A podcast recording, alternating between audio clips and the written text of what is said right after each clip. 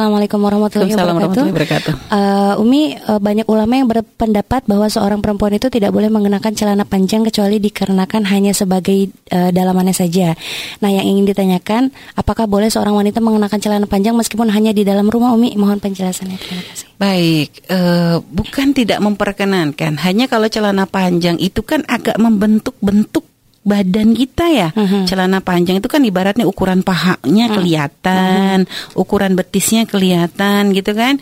Nah, sekarang celana panjang model gimana dulu gitu. Eh, kalau untuk dalaman iya, itu adalah untuk kehormatan supaya nanti kalau subhanallah ada apa-apa jatuh atau apa ya tidak kesingkap auratnya. Iya. Terus kalau ternyata di rumah ya kalau di rumah mah jangankan celana panjang, kita pakai celana celana sampai betis misalnya ya, rok sampai betis aja asalkan ini adalah mahram kita semua nggak masalah karena batas kalau dengan yang mahram saja kayak ayah ke anak, ibu ke anak atau ya pokoknya gitu anak dengan anak itu memang batasnya baina surah warukbah nggak boleh lebih dari lutut gitu ya. Artinya lutut itu batas. Jadi kalau lebih di bawahnya lutut boleh. Kalau sudah di atas walaupun bapak dengan anak hukumnya adalah haram. Paha itu haram bagi bapak ngeliat anaknya, anak ngeliat bapaknya atau ibu kepada anaknya, anak kepada ibunya. Yang nggak ada aurat tuh hanya suami istri saja.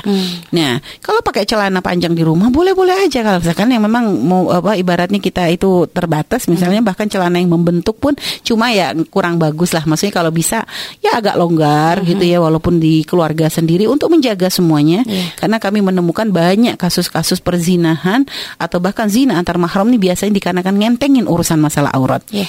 Apalagi sekarang mohon maaf kadang di rumah mohon maaf pakai apa namanya istilah celana panas.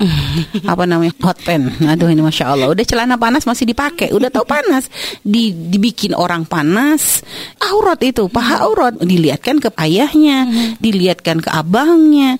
Karena subhanallah kita benar-benar kan banyak kasus-kasus zina mahram ternyata dari mulai ngentengin aurat. Maka kami sampaikan kepada para pendengar sahabat semua hati-hati masalah aurat. Di rumah ajari anak kita dari kecil biasakan dia dengan pakaian yang sampai di bawah lututnya agar itu menjadi satu kebiasaan gitu ya. Karena kalau sudah dari kecil biasa dipakein celana kato aja sampai gede nanti dikasih celana kepanasan dia.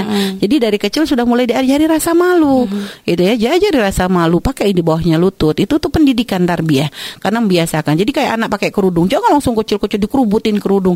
Panas anak kecil mah nggak usah diwajibin kerudung. Gedenya itu yang gimana cara? Tapi cara mendidiknya bertahap berproses. Dari kecil biasakan baju. Karena kan sesuai kebiasaan. Orang tuh akan terbiasa kayak gini. Orang tidur kalau kebiasa selimutan kalau sudah walaupun nanti panas dia tetap selimutan karena udah jadi kebiasaan.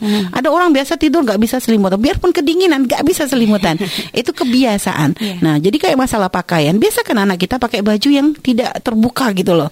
Jadi kadang kita panas belum tentu. Kalau anak sudah dibiasakan pakai baju berlengan celana yang misalnya di bawah lutut akan menjadi kebiasaan. Sampai gede pun akan terbiasa seperti itu.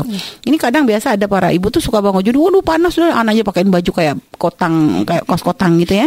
Udah gitu nanti pakai celana kolor begitu. Dan akhirnya itu menjadi baju yang disenangi oleh anaknya. Begitu gede suruh pakai kerudung. Ya gimana hijrahnya? Jauh banget. Dari kos kotang lari ke kerudung. Nggak ketemu gitu loh. Maksudnya susah untuk dijalani. Makanya berproses memberikan pakaian kepada anak itu berproses. Jadi sampai mereka sendiri akan meminta pakai kerudung begitu.